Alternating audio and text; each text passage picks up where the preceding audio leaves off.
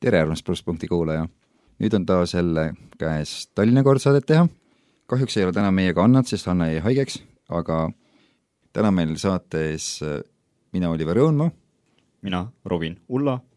ja tänase saate teema on meil suhted ja abielu ja meil on täna külas noor abielupaar Naatan ja Raili Holman, tere! tere! tervist! Naatan, ma mäletan sind sellise neljateistaastase ülitubli kokapoisina kuskil suures laagris kõigile süüa tegemas. Rallit ma nii palju ei tunne. et siis eh, tutvustage ennast, et kes te olete, kui vanad te olete, kust tulete, millega tegelete, mis koguduses käite? jaa, sa tegid juba hea sissejuhatuse mulle, et äh, kokandus on tõesti olnud üks teema, millega ma olen tegelenud, aga ma olen kahekümne kolme aastane mees, tulen Tallinnast ja olen metodisti koguduse liige Tallinnas ja viimastel aastatel olnud panustamas ja tegutsemas ka Rakvere metodisti koguduses. hetkel õpin ülikoolis logistikat ja sündinud, kasvanud Tallinnas ja siiamaani elan Tallinnas, nii et täiesti Tallinnast tulen. mina olen siis äh, Raili, olen kakskümmend kaks aastat äh, vana, olen siis äh, sündinud ja kasvanud üles Saaremaal, olen ka Kuressaare metodisti koguduse liige ja hetkel siis elan Tallinnas, töötan Tallinnas lasteaiaõpetajana ja tegelen siis erivajadustega lastega jah, neid tegemisi on teil üsna palju ja kui sellest rääkida, siis äh, Naatan sai hiljuti ka aasta noore vabatahtliku tiitli Tallinna linnalt, et äh, väga tubli. aitäh! aga Raili, räägi, mis sind Naatani puhul võlus? No kindlasti tema selline iseloom, tema suhtumine teistesse ja tema pühendumine oli see, mis mind võlus ja ja see, et ta on kõigi vastu hästi sõbralik ja lahke ja hooliv. ja tõesti, tal on väga palju tegemisi ja tõesti, kui ta võtab midagi ette, siis ta teeb need asjad ka lõpuni. ta on tõesti mulle väga suureks eeskujuks. Ma tean, et kui mina oma hetkeseisuga siis kihlatuga sain kokku, siis minul nagu isiksus natuke muutus sellel hetkel ja inimesed küsisid, miks Robin nii tore on. ja ma tahaks teada, kas teie tuttavad või keegi ütles, et ah, sa ikka muutusid, kui temaga kokku said, et see on hea sulle. kas midagi sellist on juhtunud teil? tegelikult meie kihlusaeg üldse oli selline natukene teistsugune, suurem osa meie kihlusajast oli Covid ja piirangud ja lockdown ja siis me suhtlesimegi läbi veebi ja tegelikult neid kordi, kui me kokku saime, oleks võinud rohkem olla. aga vastates küsimusele, siis ma ei ole sellist tagasisidet saanud, ma ei tea, kuidas sinul on, Raili? no mul vanaema on öelnud, et see on pannud teda nii imestama, et mina olin siis järsku kihlatud, et see tuli minu perele üldse väga suure üllatusena, nad kogu aeg teavad, et ma olen selline tagasihoidlik, vaikne ja nüüd mul on järsku keegi ilmunud, et see oli kuidagi selline muutus võib-olla. aga Naata, kuidas sina siis ilmusid, et kuidas sulle vastupidi jälle Raili meeldima hakkas? Raili puhul meeldis mulle tema selline siirus ja selline aus südamehoiak. ja ta oli see, kes ta tegelikult oli ja ta näitas seda välja, ta ei mänginud kedagi teist. Ja see paistis mulle kohe silma. Ja mul olid erinevaid selliseid äh, punkte enda jaoks läbi mõeldud, milline peaks olema tulevikus minu abikaasa. Ja ma olin selle eest ka noorena palvetanud ja enne abiellumist, enne kihlumist samamoodi palvetanud, et Jumal võiks saata selle õige just minu ellu. ja siis see kuidagi tuli nii loomulikult sellel hetkel, et ma lihtsalt teadsin, et see on Jumala plaan ja nii see läks. et ma ei osanudki väga palju rõhku pöörata mingisugustele välistele iseloomuomadustele, et pigem ma nägin, milline on Raili seestpoolt ja see võlus mind. Te abiellusite kui noorelt siis? mina olin kakskümmend kaks ja Raili oli kakskümmend üks. kakskümmend kaks olin juba jah. millal see suhe siis algas üldse? Me kihlusime kaks tuhat kakskümmend aasta kaheteistkümnendal veebruaril ja siis suvel abiellusime. me olime sama vanad, kui me kihlusime. aga jah, see suhe hakkas juba tegelikult natukene varem, kui me kihlusime, et me oleme tegelikult üksteist tundnud äh, juba päris pikka aega, kuna me käime samas metodisti koguduses ja ikka oleme laagrites ja erinevatel äh, üritustel üksteist näinud, oleme teadnud, et selline inimene on olemas ja siis Raili kolis Tallinnasse, tuli ülikooli ja siis mingi aeg ma kutsusin ka teda Tallinnas noortekatele, kuna ma tegin seal Tallinna Metodisti koguduses noortetööd ja siis ma läksin Kaitseväkke, siis oli aasta kaks tuhat üheksateist, suvel läksin Kaitseväkke.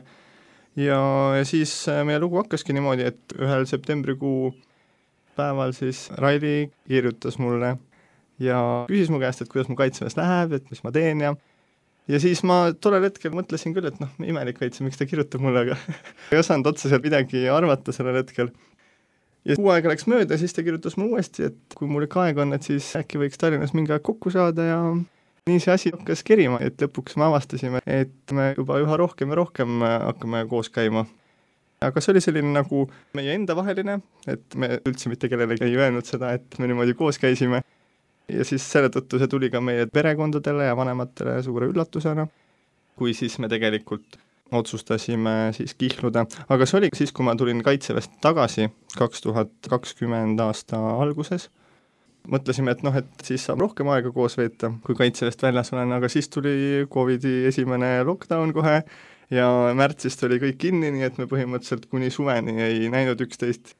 ja siis põhimõtteliselt see niimoodi läks, et kahe tuhande kahekümnenda aastal oktoobrikuus ma olin siis jõudnud selgusele, mida ma Railist arvan ja mida ma tunnen ja siis ma ütlesin talle seda välja ja siis niimoodi see hakkaski vaikselt minema selleni, et me kihlusime. võib-olla on aeg minna esimese muusikapala juurde, mis te meile täna siis välja valinud olete? no võtame siis esimeseks looks Andres Jäätmaa Mööda erinevaid teid.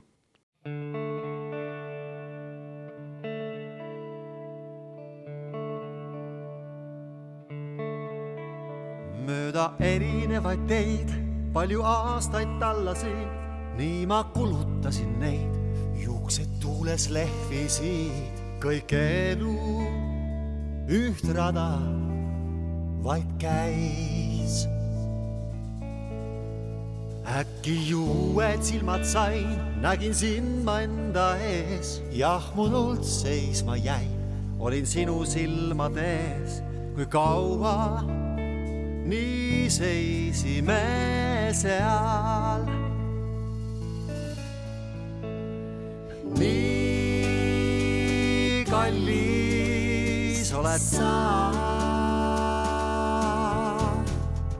sa oled mu rõõmude maa. otsisin kaua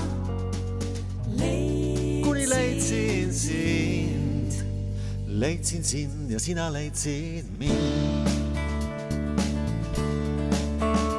keset halli nädalat saabusid kui pühapäev, kõrbeliivad palavad, lõhestades kerkis kaev, nii oota, ootamatu saabusid. pulbitsedes selget vett arusaamatuks jääb see, päike äkitselt tõusid öösel taevasse, ei mõistnud, mis toimus ma siis. nii kallis oled sa. sa oled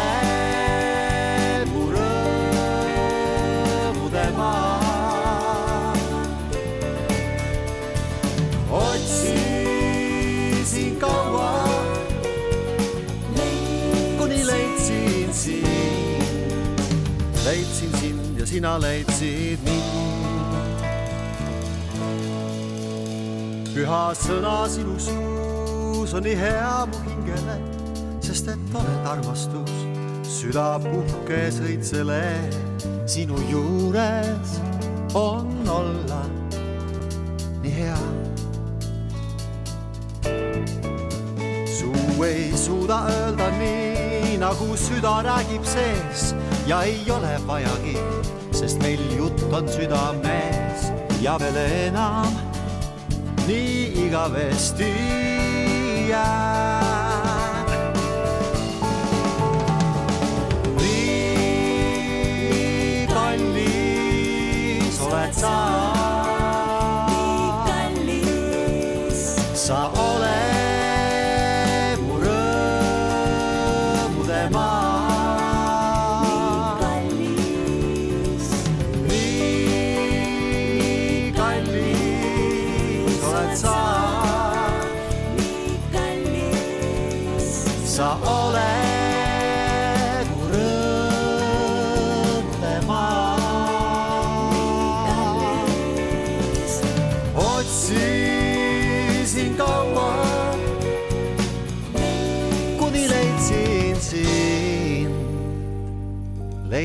Sind ja sina leidsid mind.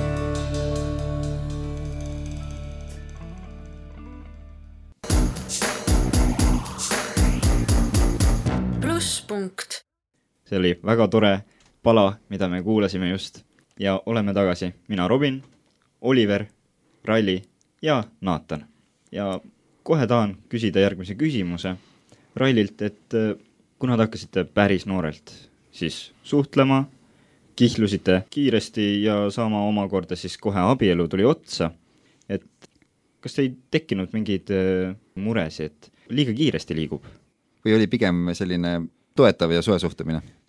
mina ütleks, et meie vanemad olid äh, väga toetavad selle osas, et me üldse kihlusime ja et meil oli plaan ka abielluda, et äh, tegelikult meie vanemad olid juba tuttavad omavahel ja minu vanemad teadsid Naatanit, Naatani vanemad teadsid mind, et nad olid selles mõttes väga positiivselt üllatunud, kui nad said siis teada, et me kihlusime Naataniga ja nad olid ikkagi väga toetavad, et ei olnud mingisuguseid küsimusi et äh, kas see kõik on nii vara või kas te peaksite ikkagi mõtlema veel järgi, et see kuidagi nagu sujus väga hästi, et selle üle mul on äh, väga hea meel. Naatan? minule küll ei tundunud, me kuidagi kiirustasime. kuigi see jah, võis tunduda nendele inimestele, kes meie ümber olid tollel hetkel, meie vanemad, sellepärast et nemad said seda teada alles jaanuaris, et me omavahel üldse suhtleme ja siis me juba veebruaris äh, kihlusime ja augustis abiellusime. et tegelikult selline päris kiire areng, aga kuna me ise olime tegelikult enne kihlumist juba suhelnud ju natuke üle aasta, siis meie jaoks tundus see selline loomulik, aga otseselt keegi meile ei öelnud niimoodi, et ärge nüüd nii väga kiirustage, et me tegelikult ei kiirustanudki, me võtsimegi asja loomulikult ja vabalt ja tegelikult meie mõlema isad on pastorid ja nemad said meid ka aidata selles osas, et kuidas ja mismoodi kõiki neid asju võiks teha ja absoluutselt kõikide küsimuste osas, mis meil tekkisid, eh, mida me võib-olla mõtlesime, et mida on nii-öelda siis, eh, mina saan rääkida kui selline noormees, kes nii-öelda siis tahab abielluda, et mis on need näiteks sammud, mida üldse peaks noormees tegema selleks, et liikuda üldse abielu suunas. Ja see on väga oluline otsus, mida elus tehakse, mina ütleks, et see on üldse elus teine kõige olulisem otsus peale selle, et võtan Jeesuse oma südamesse ja seda otsust ei saa võtta niimoodi ülepeakaela kuidagi, et lihtsalt kuidagi oma tunnete pealt seda otsust langetada, et see peab olema hästi läbimõeldud.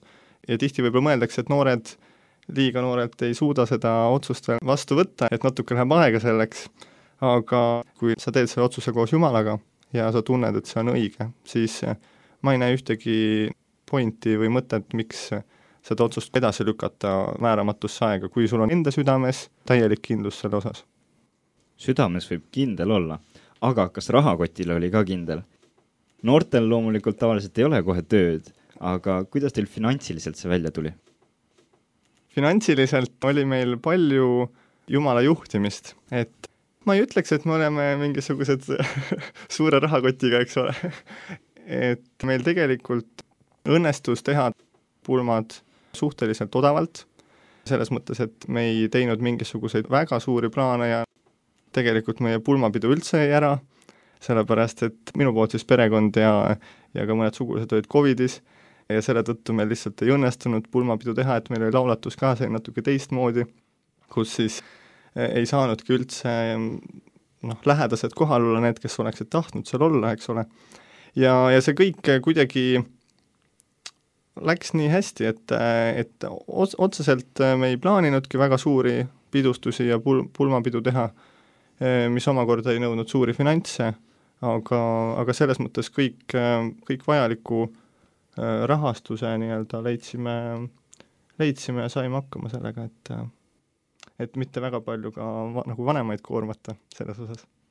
no noortega on niimoodi, et kui nad juba teismeliseks saavad ja siis huvi tekib vastassoo vastu, et siis nad kohe tahaks kellega käima hakata ja, ja siis äh, miskit äh, pastorid või noortejuhid seal hoiavad hoolega silma peal ja viibutavad näppu ja nii edasi. et äh, kas see on siis äh, kindel vanus, millal võib üldse kellega käima hakata, et äh, et neile tihti öeldakse, et sa oled liiga noor ja siis neil on see mure, et kuidas ma siis üldse oma abikaasa leian, kui ma temaga käiagi ei tohi. no ma arvan, et äh, siin võib-olla mängib ka rolli palju nagu vanemate äh, eeskuju ja vanemate äh, suhtlemine oma lapsega ja kuidas nagu vanemad äh, toetavad seda, et lapsel võib-olla ongi keegi nagu tekkinud, et äh, kindlasti on oluline, et äh, et noored kuidagi oskaksid nagu omavahel äh, nagu suhelda ja üldse neil äh, nagu tekiks nagu see side, et, äh, et ma arvan, et siin ei ole võib-olla sellist nagu kindlat vanusegruppi, millal siis peaks üldse nagu suhet looma hakkama, aga vaid kuidagi peabki olema see, see tundmine kuidagi, et noored oskaksid ka küsida nagu abi ja, ja oskaksid küsida nagu nõu võib-olla siis vanematelt inimestelt ma lisaksin siia võib-olla nii palju, et, et ma ütlen samamoodi, et võib-olla ei ole sellist äh, täpset vanust, millal nagu on õige aeg. Ja see ongi nii individuaalne ja seda ei oska nagu keegi niimoodi raadiost öelda, et nüüd sa oled nii vana ja nüüd sul on aeg nagu, et, et meie kõikide elud on nii erinevad ja jumala plaan on meie elude jaoks nii erinev, et, et see ongi selline asi, mida me ei oska nagu öelda. et aga selles mõttes mina ütleksin, et liiga vara ei ole ka nagu hea et jah, siin juba noh, noored, ma isegi ei oska mis, öelda, mis vanuses eh,, nagu võib-olla igatsevad seda, et neil oleks eh, selline suhe ja näevad, et teistel on ja ma tahan nagu ka, aga eh, mina ei ole isiklikult nagu õigeks pidanud seda, et ma lihtsalt hakkan käima kellegiga sellepärast, et ma nagu käiksin temaga. ja, ja selle tõttu ma ise olen ka nagu hoidunud sellistest äh, suhetest, mida ma nagu äh, ei taha nagu arendada edasi ja mul ei olegi olnud selliseid äh, äh, nagu päris suhteid enne abielu, nagu enne siis äh, suhet Railiga, et, et selles mõttes äh, ma ei otsinud seda suhet, et kui nüüd nagu sinna rääkida, et, et tahaks äh, nii väga kellegagi käia, siis äh, ma ei olnud üldse selline inimene, kes äh, mõtles, et ma võiksin nüüd hästi noorelt abielluda.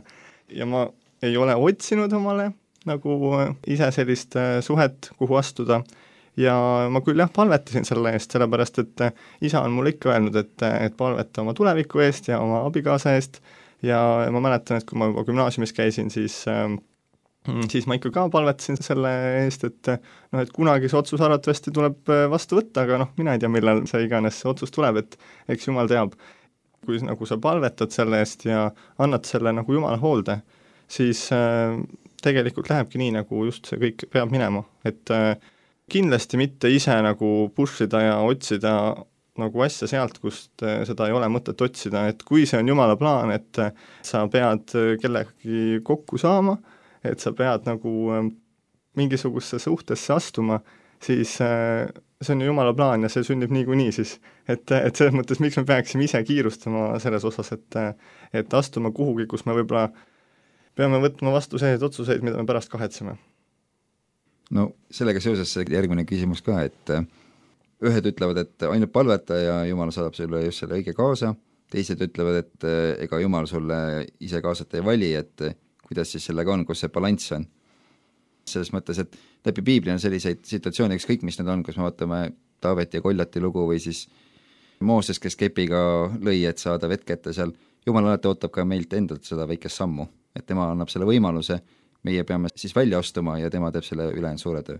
jaa, täiesti nõus sellega, et ähm, kindlasti meil on vaja endal teha need sammud, nii nagu sa ütlesid juba, äh, millised need sammud täpsemalt on, äh, noh, eks need on erinevad meil kõikidel, aga mina tegin enda jaoks sellise mm, suhete valgusfoori. see oli mul siis juba enne kihlusaega valmis tehtud, kui ma nii-öelda palvetasin oma abikaasa eest, ma olin juba mõelnud ja natuke saanud ka inspiratsiooni erinevatelt inimestelt, kes olid umbes taolist asja teinud, aga ma tegin täitsa oma. ja siis see nagu koosneb sellisest äh, nagu valgusfoorist, kus on siis äh, erinevad äh, omadused sisse kirjutatud ja ja näiteks noh, see ongi, et roheline Mm, see, see on siis, tähendab seda, et need omadused, mis seal rohelises sektoris on, et äh, see annab nagu rohelise tule, et siis on kõik hästi nagu.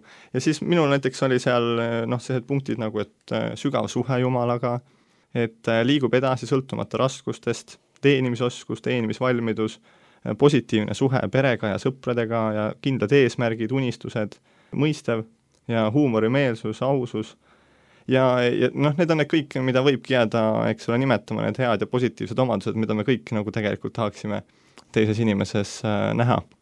Siis on selline kollane sektor, kus peab siis iga sellise punkti juures väga tähelepanelik olema, kas see nagu on probleem või see ei ole probleem, et näiteks motivatsioonipuudus, hilinemine, siis ma lisasin enda jaoks veel sinna selline ebapuhas taust, eesmärgivaegus või nagu selline alandav suhtumine või nagu alandavad naljad ka. Ja näiteks liigne viriseja. ja siis on täiesti punane sektor, mis siis nagu paneb valgusfoori sellise punase tule, et äh, ei ole usklik, selline ohtlik, kontrollimatu, äh, sõprade poolt äh, negatiivne nagu tagasiside, kahepalgelisus või nagu halvad suhted vanematega, sõltuvuses või liigne muretseja või liigselt aktiivne, sellised punktid. ja see, kui ma nüüd nagu sellele tagasi vaatan, siis see on, tegelikult andis mulle mm, võimaluse analüüsida seda suhet, noh, ma sain nagu sellel hetkel aru, kui ma seda vaatasin siis, et millised on minu nagu mõtted ja tunded ja emotsioonid ja mis on nagu reaalsus.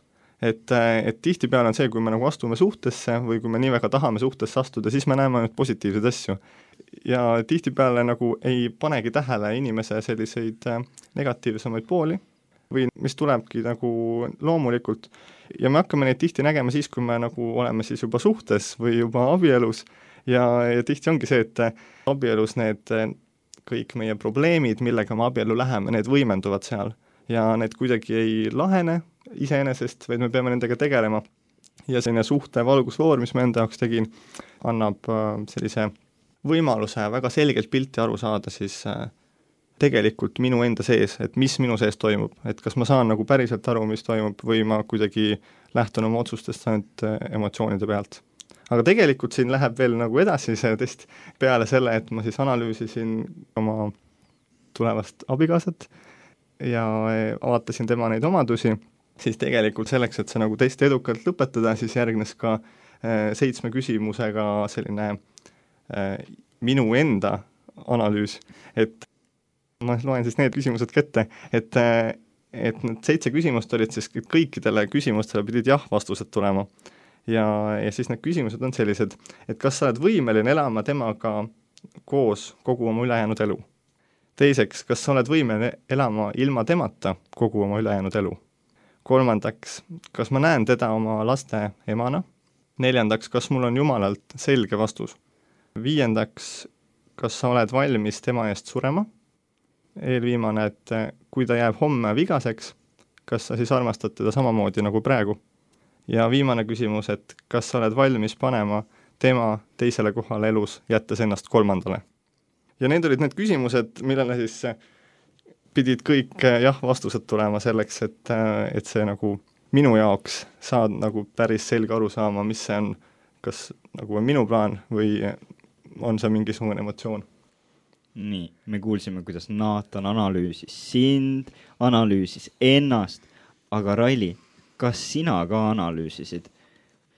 ma ikka algusest peale päris palju analüüsisin nii ennast, nii Naatanit kui ka kogu meie äh, olukorda, aga ma ütlen, et äh, meie lugu oli nagu väga eriliselt Jumalast juhitud lugu, et äh, ma ei tunne, et äh, ma ise oleks väga palju nii-öelda korda saatnud, vaid äh, jumal mängis siin äh, väga palju rolli nii-öelda. Et äh, kindlasti ma väga palju hoidsin meie suhet ja meie suhtesse astumist üldse palves ja ma nägin kuidas Jumal väga eriliselt vastas äh, nendele palvetele, mida ma palusin. ja ma kuidagi võtsin nii-öelda päev korraga, et ma ei teinud kuidagi mingisuguseid äh, suuri otsuseid või ei teinud mingisuguseid suuri muutusi, et äh, kuidagi sinna suhtesse astuda. Ma ikkagi väga palju mõtlesin mingisuguseid asju läbi ja nii see kuidagi läks. ja nüüd on aeg järgmist muusikapala kuulata, kas nüüd on Raidi kord? ja muusikapalaks on siis pealkirjaga Carry you through ja esitaja Jade Wales. To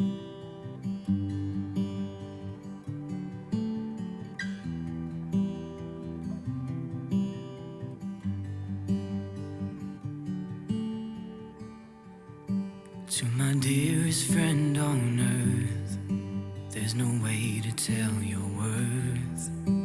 I could sail the distant sea, still be lonely. And God said it's not good for man to be alone. And I believe that you're you're my one and only.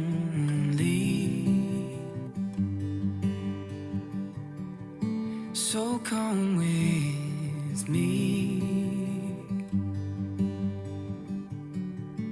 You'll see when the sun is shining.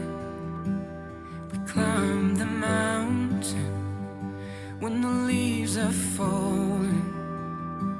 I'm falling for you. When the winter comes,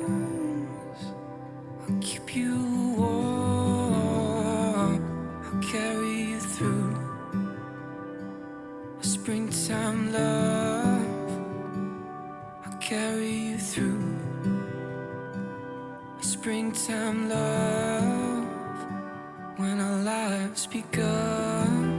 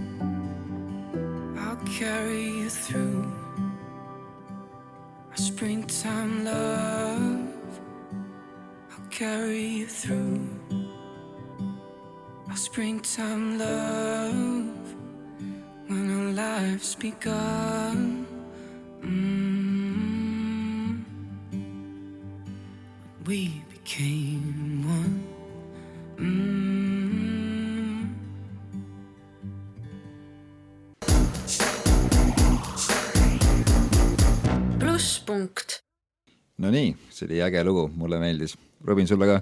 see oli imeline. Nonii, et siis jätkame plusspunkti sõnalise osaga, mina olen Oliver, meil on äh, teiseks saatejuhiks täna Robin ja külas on meil Naatan Ralli Holman.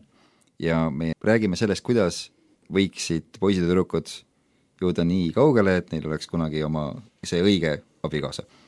no mida ma kuulnud olen, et paljud pastorid soovitavadki, et kui sa näiteks äh, oma koguduses kedagi ei leia, siis äh, mine kuhugi naaberkogudustesse, käi kuskil ringi, ole avatud ja siis sa näed kindlasti seda, keda Jumal sulle saadab.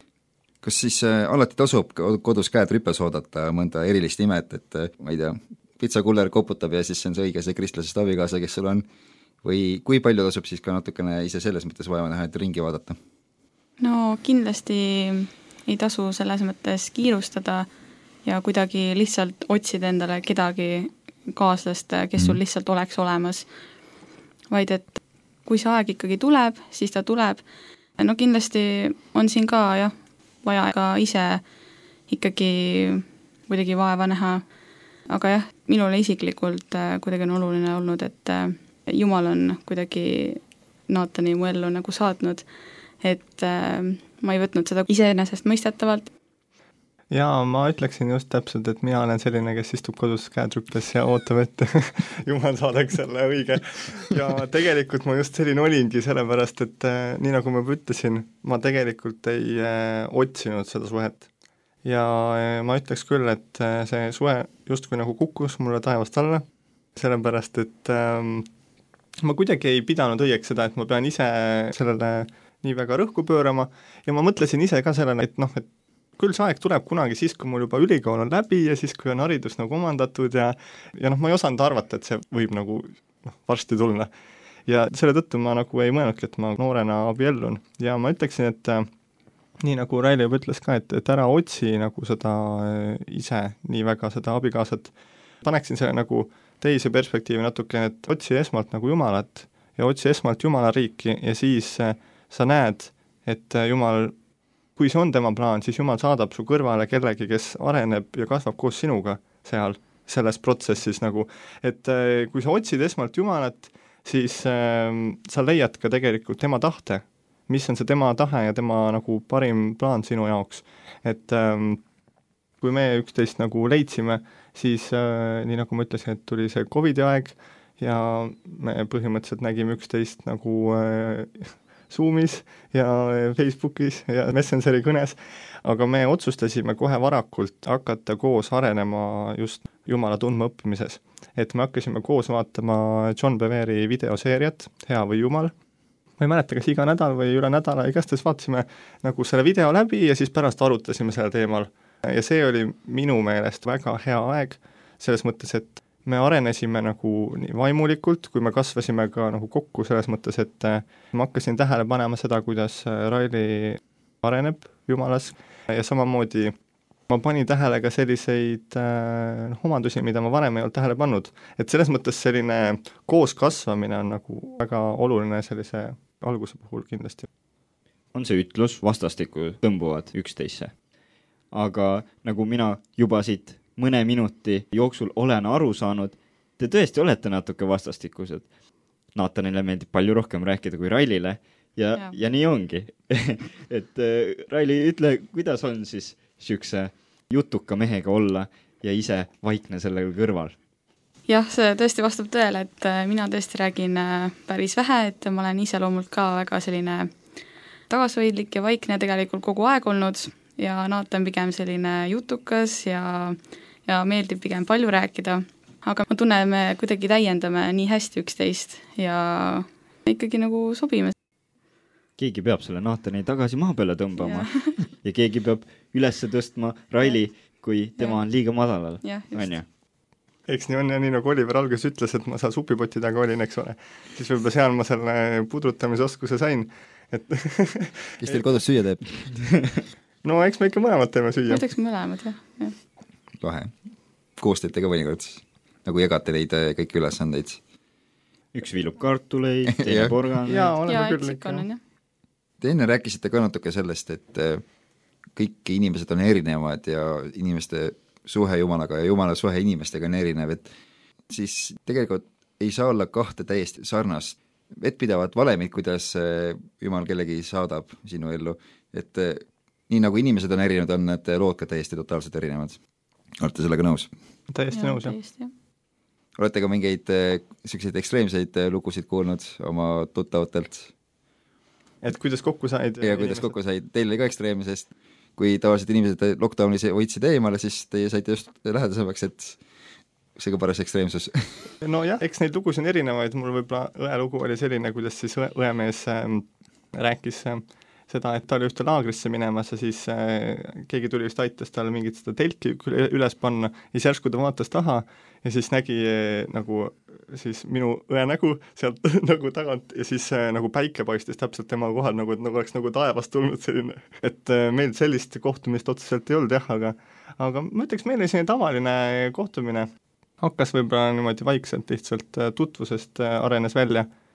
Aga ma ütleks, et võib-olla olulisem sellele esmasele kohtumisele on nagu tegelikult äh, see, kuidas sa siis saad aru, et ta tõesti õige on. et see on nagu selline pikem protsess ja seda sa võib-olla esmakohtumisel sa ei saa aru, et nüüd tema ongi päriselt see inimene, kellega ma tahan kogu oma elu koos elada aga jah, see on, see on see, millele nagu tuleb pärast mõelda ja juba see nagu protsess, kuidas siis sa sellest aru saad, see on selline igalühel erinev protsess, kuidas inimene jõuab selleni, et ta mõistab, et see on Jumala plaan ja see on see õige inimene, kellega koos olla. kui rääkida ajast enne abiellumist ja üldse nagu inimestega kohtumisest ja vastassooga läbikäimisest, siis tundub, et erinevatel kirikutel on ka erinevad traditsioonid selles suhtes, et osad on rangemad, osad on leebemad, mõnes kirikus see on okei okay,, kui sa ütled näiteks äh, oma vastassussõbrale, et oh, sa näed nii kena välja, et äge kleit, teises kohas öeldakse, et komplimendid on no-go, absoluutselt ei tohi teha neid, et siis äh, armub ära ja juhtub igast inetuid asju, murrad südame või midagi, siis mõnes kohas jagad muresid, mõnes kohas on see tore, sa aitad nagu inimest, öeldakse, et no Jeesus ei teinud vahet naistel ja meestel, eks ole, teises kirikus on jälle see, et äh, poisid ja tüdrukud ei tohi omavahel muresid jagada, sellepärast et see pole ka sünnis, eks ole. mida teie selles osas kogenud olete, et äh, kui palju sellised julgustused või vastupidi, sellised reeglid on õigustatud ja millal nad lähevad üle piiri?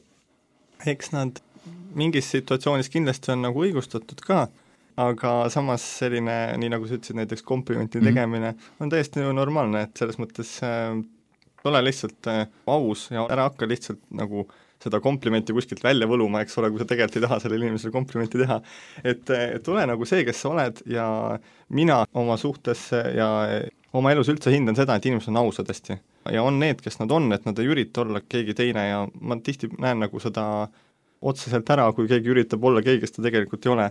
ja tegelikult äh, üldse, et sa ise peaksid kellelegi mingi komplimenti tegema või kellelegi nina alla pugema või tema kõrval istuma, sa avaldad sellele õigele ka nagu tähelepanu piisavalt ka siis, kui sa oled täiesti kuskil omaette või, või teed mingisugust oma asja ja oled sellest pühendunud ja hea ja üldse, et sa midagi peaksid talle otseselt ütlema. tegelikult need äh, suhted on nii kuidagi erilised asjad siin maailmas, et äh, need võivad tekkida ükskõik kust kohast. sa ei pea tihtipeale isegi midagi ütlema selleks, et mingisugune suhe näiteks alguse saaks. aga osalt need sellised äh, reeglid on nagu head ka, et ho- hoida sellist nagu distsipliini ja väärtusi kirikutes, jah. Nii, mis on teie järgmine laul, mis te olete meile siia toonud, mida me kuulata saaks? järgmiseks lauluks võtame Love of my life ja seda esitab siis Jim Brickman.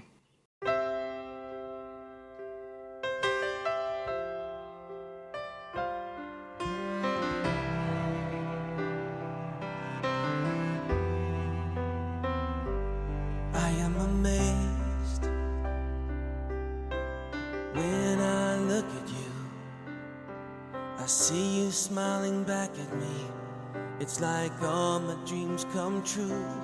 I am afraid if I lost you, girl, I'd fall through the cracks and lose my track in this crazy, lonely world.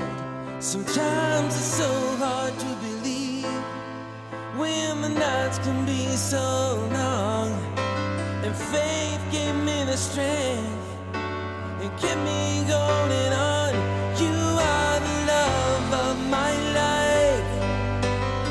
So glad you found me. You are the love of my life, baby. Put your arms around me. I guess this is how it feels when you finally find something real.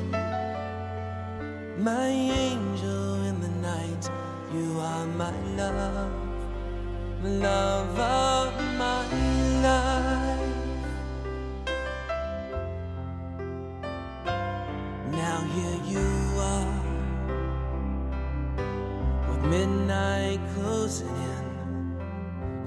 my hand as our shadows dance, with moonlight on your skin. I look in your eyes. I'm lost inside your kiss. I think if I'd never met you, about all the things I'd missed. Sometimes it's so hard to believe when a love can be so strong. And faith gave me the strength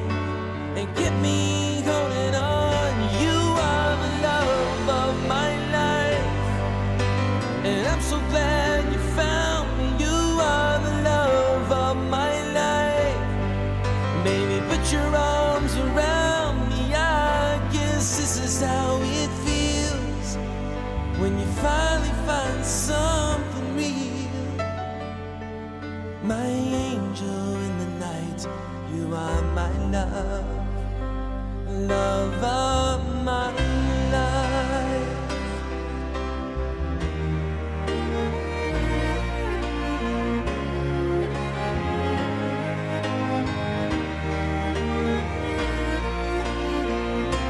You are the love of my life, and I'm so glad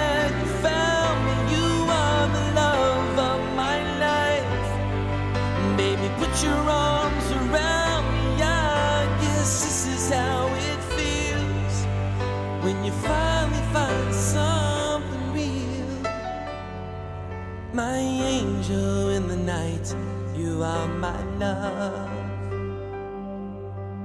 My angel in the night, you are my love,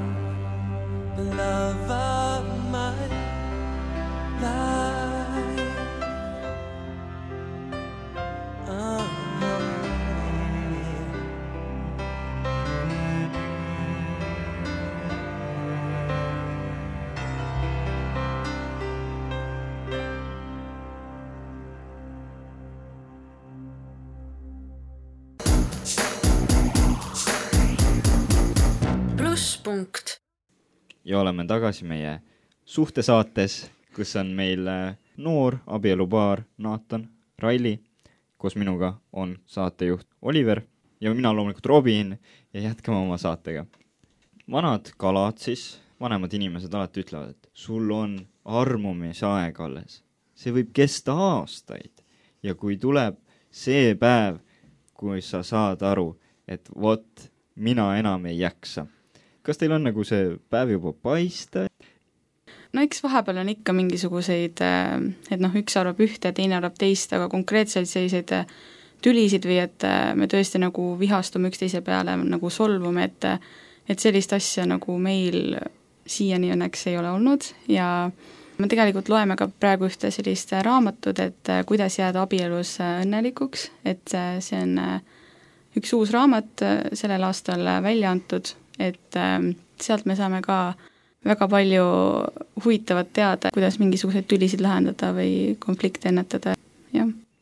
siia on väga tähtis küsimus, kumb enne vabandab? vaatasid üksteisele otsa, kumbki ei julge öelda. ma ei tea, vabandab see, kes tunneb, et on äh, vaja vabandada. eks see vabandamine on äh, raske ju meile kõikidele, ja üldse enda vigade tunnistamine on tihtipeale väga raske, see nõuab äh, nagu eneseületust, aga me oleme ikka mõlemad vabandanud küll, jah. lihtsalt pole palju olukordi tekkinud mm., kus oleks pidanud vabandama. aga minu meelest ei ole sellist aega nagu mingi pikk armumise aeg või selline, et jah, see armumise aeg on, aga ma ise tunnen, et see sai ikka väga kiiresti läbi. juba põhimõtteliselt esimestel kuudel abielus sa tunnetad natukene seda, et, et see esimene aeg hakkab nagu mööda minema ja sa eladki koos teise inimesega ja, ja selles mõttes eks tuleb õppida seda, kuidas me tülisid lahendame, kuidas me suhtleme üksteisega ja ma ütleks, et abielu ei ole selline nagu see aeg, kus nii-öelda, et sa, sa nüüd leiad kellegi inimese endale, kes on äh, sinuga samasugune, eks ole, või kellega sa koos tahad elada, et kõik inimesed muutuvad elu jooksul. Ja abielu käigus sa pead nii palju nagu ise arenema ja õppima juurde ja arvestama teise inimesega ja sellega, kuidas teine inimene areneb ja lõpuks, kui sa nagu abielus koos ei kasva, koos ei õpi ennast, koos ei arenda, siis sa lihtsalt võidki avastada, et te olete nagu mingi kahe-kolme aasta pärast lahku kasvanud. et see areng toimub niikuinii ja kui sa sellele tähelepanu ei pööra, siis võib lahku äh, areneda lihtsalt. et selles mõttes on täiesti oluline sellele juba nagu eos äh, ja juba samamoodi kihluse ajal see areng ja protsess läbi arutada, et millised on meie ühised äh, plaanid, kuidas meie elu hakkab välja nägema, no ma näiteks tean, et 3D kogudusel on väga head punktid, kuidas ja mida täpselt läbi arutada enne abiellumist, nagu kihnluse ajal, ja me kasutasime samasuguseid punkte, et see on nagu selline arenguprotsess ja üldse rääkimine ja, ja läbiarutamine on väga olulisel kohal, nii kihluse ajal kui ka tulevikus abielus. Needsamad eh, vanemad abielus olijad võivad öelda, et noh, see arvamisaeg saab läbi ja siis saabub see hall argipäev, lööb nagu malakaga pähe, et kas tegelikult see päris armastus ja see päris koosolemise ja elamise aeg peab just niisugune hall argipäev olema? kuidas teie näiteks hoiate seda särtsu elus? üksi õnnelik, koos õnnelik. See hall argipäev ei ole üldsegi nii hall, kui sa oled selle teise inimesega koos. Et äh, tegelikult äh, see sõltub nii palju indiviidist ise, nagu sinust, kuidas sina panustad suhtesse, kuidas sa panustad sellesse abielusse ja üldse, kuidas sa nagu maailma näed, et mulle nii meeldib öelda seda, nii nagu ma ütlesin, et üksi õnnelik, koos õnnelik, et kui sa oled ise oma probleemide ja murede keskel, meil kõikidel on probleemid, aga kui sa nagu loodad seda, et abielludes või see teine inimene kuidagi suudab sind teha nüüd õnnelikuks ja nüüd äh, sa nagu lähed abiellu ootama midagi, et see abielu annab sulle midagi, siis tegelikult see nii enamasti ei käi, et abielu on see, kus mõlemad osapooled tegelikult panustavad ja ma ütlengi, et kui sa nagu ise oled õnnelik juba enne abielu, et ei arva seda, et nüüd nagu abiellun ja siis see suhe teeb mind õnnelikuks. pigem on see, et oma mured ja koormad ja, ja kõik need asjad, mõlemad pooled toovad need abiellu kokku ja siis need nagu võimenduvad seal. Et selles mõttes, kui sa oled üksi õnnelik, siis sa oled ka koos õnnelik, et tõesti, see hall argipäev, see on reaalne jah, on selliseid päevi ka, mis on hallid ja vihmased ja kõik ei ole nii hea, kui arvad ja võiks olla, eks ole. meil kõikidel on neid päevi, need lähevad üle, aga oluline on see, kuidas ma ise seda nagu olukorda näen, milliseks oma elu kujundada ja see on ju minu kätes. no kindlasti minu jaoks on äh, nende igapäevaste tööl käimiste ja tegevuste kõrval väga oluline leida nagu aega üldse üksteise jaoks ja veeta kvaliteetaega kui me tõesti tunneme, et äh, nädal on kuidagi nii palju tegemisi ja muid toimetusi täis, siis äh, neljapäev on tegelikult meil see aeg, kus me lihtsalt võtame õhtul selle aja ja veedame koos aega, isegi kui tõesti me tunneme, et äh, noh, teeksime ka mingeid muid asju, siis lihtsalt see aeg on nagu meie jaoks. et me ei pane mingisuguseid muid asju sinna juurde. Me kindlasti väga palju veedame aega kodust väljaspool, et saada üksteisega nagu veelgi lähedasemaks. Jah, ühiselt näiteks metsa minna või matkata ja. või koos käia kuskil ähm, ja teha midagi nagu põnevat, et selles mõttes jah, ma olen ise hästi selline graafiku inimene, et äh, ajagraafik ja tihe elu käivad minuga koos. Ja nii, nagu Oliver juba ütles ka, et ma siin oma vabatahtlikkusega igal pool äh, silma paistan, siis äh, no tõesti, ma vahepeal tunnen, et neid asju on nagu nii palju, millega ma tegelen ja nii kerge on äh, nagu tekkima see, et äh, ma ei suuda äh, oma abikaasa jaoks ka aega leida. ja kui ma nagu konkreetselt ei pane seda aega nagu omale ajaplaani, siis tihtipeale võibki äh, see aeg lihtsalt ära kaduda ja, ja nii, nagu Rail ütles, selline kvaliteetaeg, kus me nagu tõesti pühendame oma aega siis teise jaoks, et see on väga oluline. et me saaksime asjad läbi rääkida ja selline suhtlus ja üldse koos aja veetmine, see on väga oluline, jah kuidas nüüd äh, nende tüütute vanematega on, kas nad käivad teile peale ka, et äh, no millal pisikest peret oodata nii, ja mida siis sel puhul teha ja öelda neile? eks neid küsimusi on tulnud jah, ja eks see on selline reaalsus, millega kõik äh, noored abielupaarid peavad vastuse leidma. Aga ma ütleks, et jah, see noor pisike tuleb siis, kui on õige aeg ja siis, kui jumal tahab, et iga laps on kingitus ja meie ei saa ise seda kingitust ju öelda, millal jumal peab selle kingituse meile saatma. nii on, et tuleb siis, kui on õige aeg. või Raili tahab varem, kui on õige aeg, või hiljem, kui on õige aeg? ei, ma olen täitsa nõus, et äh, tuleb siis, kui tuleb, et jälgime lihtsalt äh,, mida Jumal tahab meile öelda ja Jumala plaan on alati parim. Ja nüüd hakkabki meie saade vaikselt läbi saama, kokkuvõtteks, et mida te soovitate siis nendele noortele, kes oma õiget kaaslast otsivad ja ootavad? ma ütleks, et palvetamine on väga oluline, et kui sa palvetad, siis sa näed, kuidas äh, Jumal hakkab sind juhtima, kuidas ta toob mingisuguseid äh, palvevastuseid sulle ja lahendusi sealt, kus sa ei oska neid oodatagi. ja kasuta seda võimalust ja, ja liigu edasi, mitte see, et äh, oota, et nüüd peaks mingi kuskilt, ma ei tea, taevast alla kukkuma keegi, kes on nüüd sinu jaoks loodud täpselt. nii nagu Aadam magas ja siis oi, mingi naine on kõrvale tekkinud, et ikka tuleb ise ka neid samme teha, eks ole. et mina näiteks võtsin ka kokku ja, ja enne kihlust äh, rääkisin ka siis äh, Raili isaga, küsisin äh, tema nii-öelda luba, et ma võiksin Railiga abielluda ja on teisigi selliseid punkte, mida sul endal tuleb nagu astuda selles protsessis, aga tõesti, ma ütlen, et see Jumala tahte kuulamine on siin kõige olulisem, ma arvan.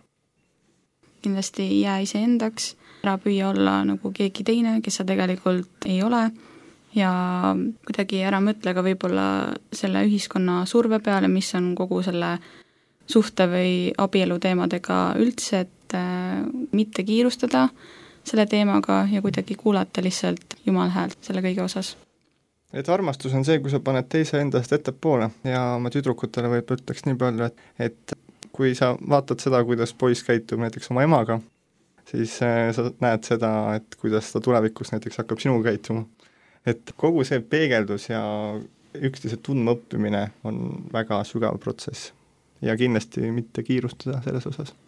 aitäh, Najotan ja Raili, et aitasite nii mõnelegi noorele selle teema selgemaks saada ja nüüd, kas te oleksite nii kenad ja võiksite teha lõpupalve? jah, armas Jumal, me täname sind äh, selle erilise aja eest, kus me kõik oleme. Jumal, ma palun, et äh, sina juhiksid meie teed igaüks seal, kus me oleme. ja sina juhiksid õigeid inimesi meie kõrvale, kui me seda vajame. ja Jumal, ma palun, et võiksime ära tunda sinu plaani oma elu jaoks. mitte lihtsalt ise kuhugi püüelda, mitte ise üritada midagi, mis läheb sinu plaaniga vastuollu, vaid Jumal, ma palun, et sa võiksid juhtida meid kokku õigete inimestega ja aidata meil teha vähem ja Jumal, sinul rohkem.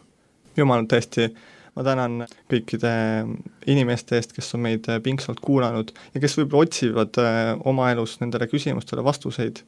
aga Jumal, ma palun, et sa lihtsalt ilmutaksid end neile ja aitaksid avada neile neid äh, kinniseid uksi, mille taga nad seisavad. Jumal, et äh, nad mõistaksid, kes oled sina ja otsiksid enne seda suhet sinuga. ja siis näevad, kuidas kogu nende elu, Jumal, võtab teistsuguse pöörde ja liigub sinna õiges suunas jumal, tänu sulle kõige eest, tänu, et sina omad kontrolli selle üle, mis äh, meie elus toimub ja sina omad parimat plaani meie kõikide elude jaoks. amen. amen, amen.. ja ongi jäänud kuulata ainult viimane lugu. Viimane lugu on pealkirjaga Listen to our hearts ja esitajaks on Casting Crowns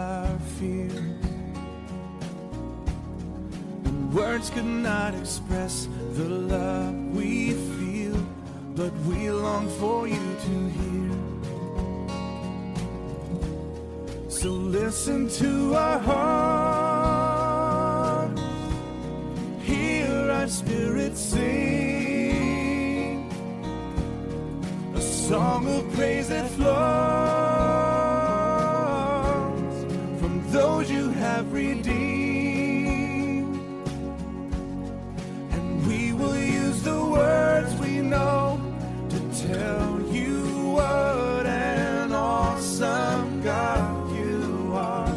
But when words are not enough to tell you of our love, just listen to our hearts. If words could fall like rain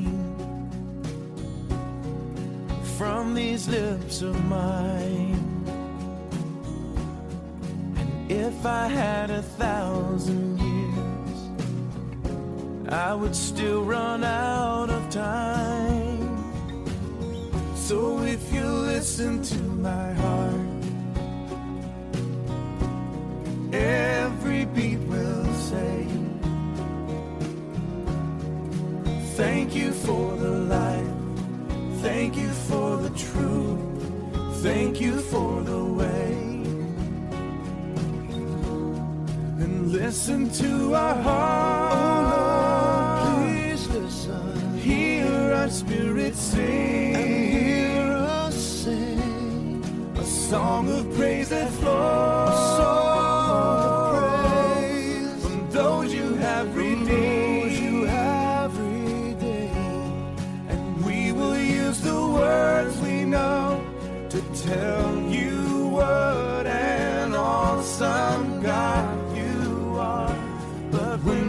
Are not enough to tell you of our love, just listen to our hearts.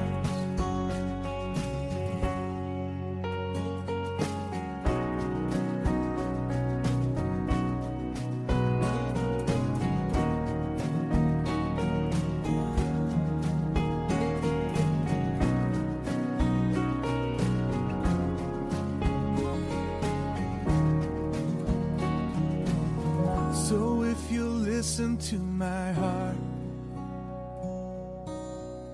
every beat will say, Thank you for the light, thank you for the truth, thank you for the way. And listen to our heart, oh Lord, please listen. Hear our spirit sing,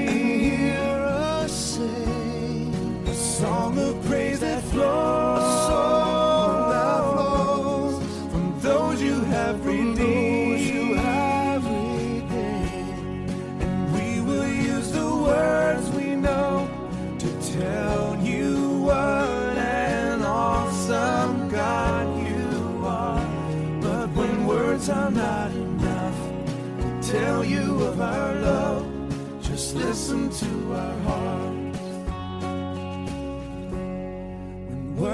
not enough to tell you of our love, just listen to our hearts.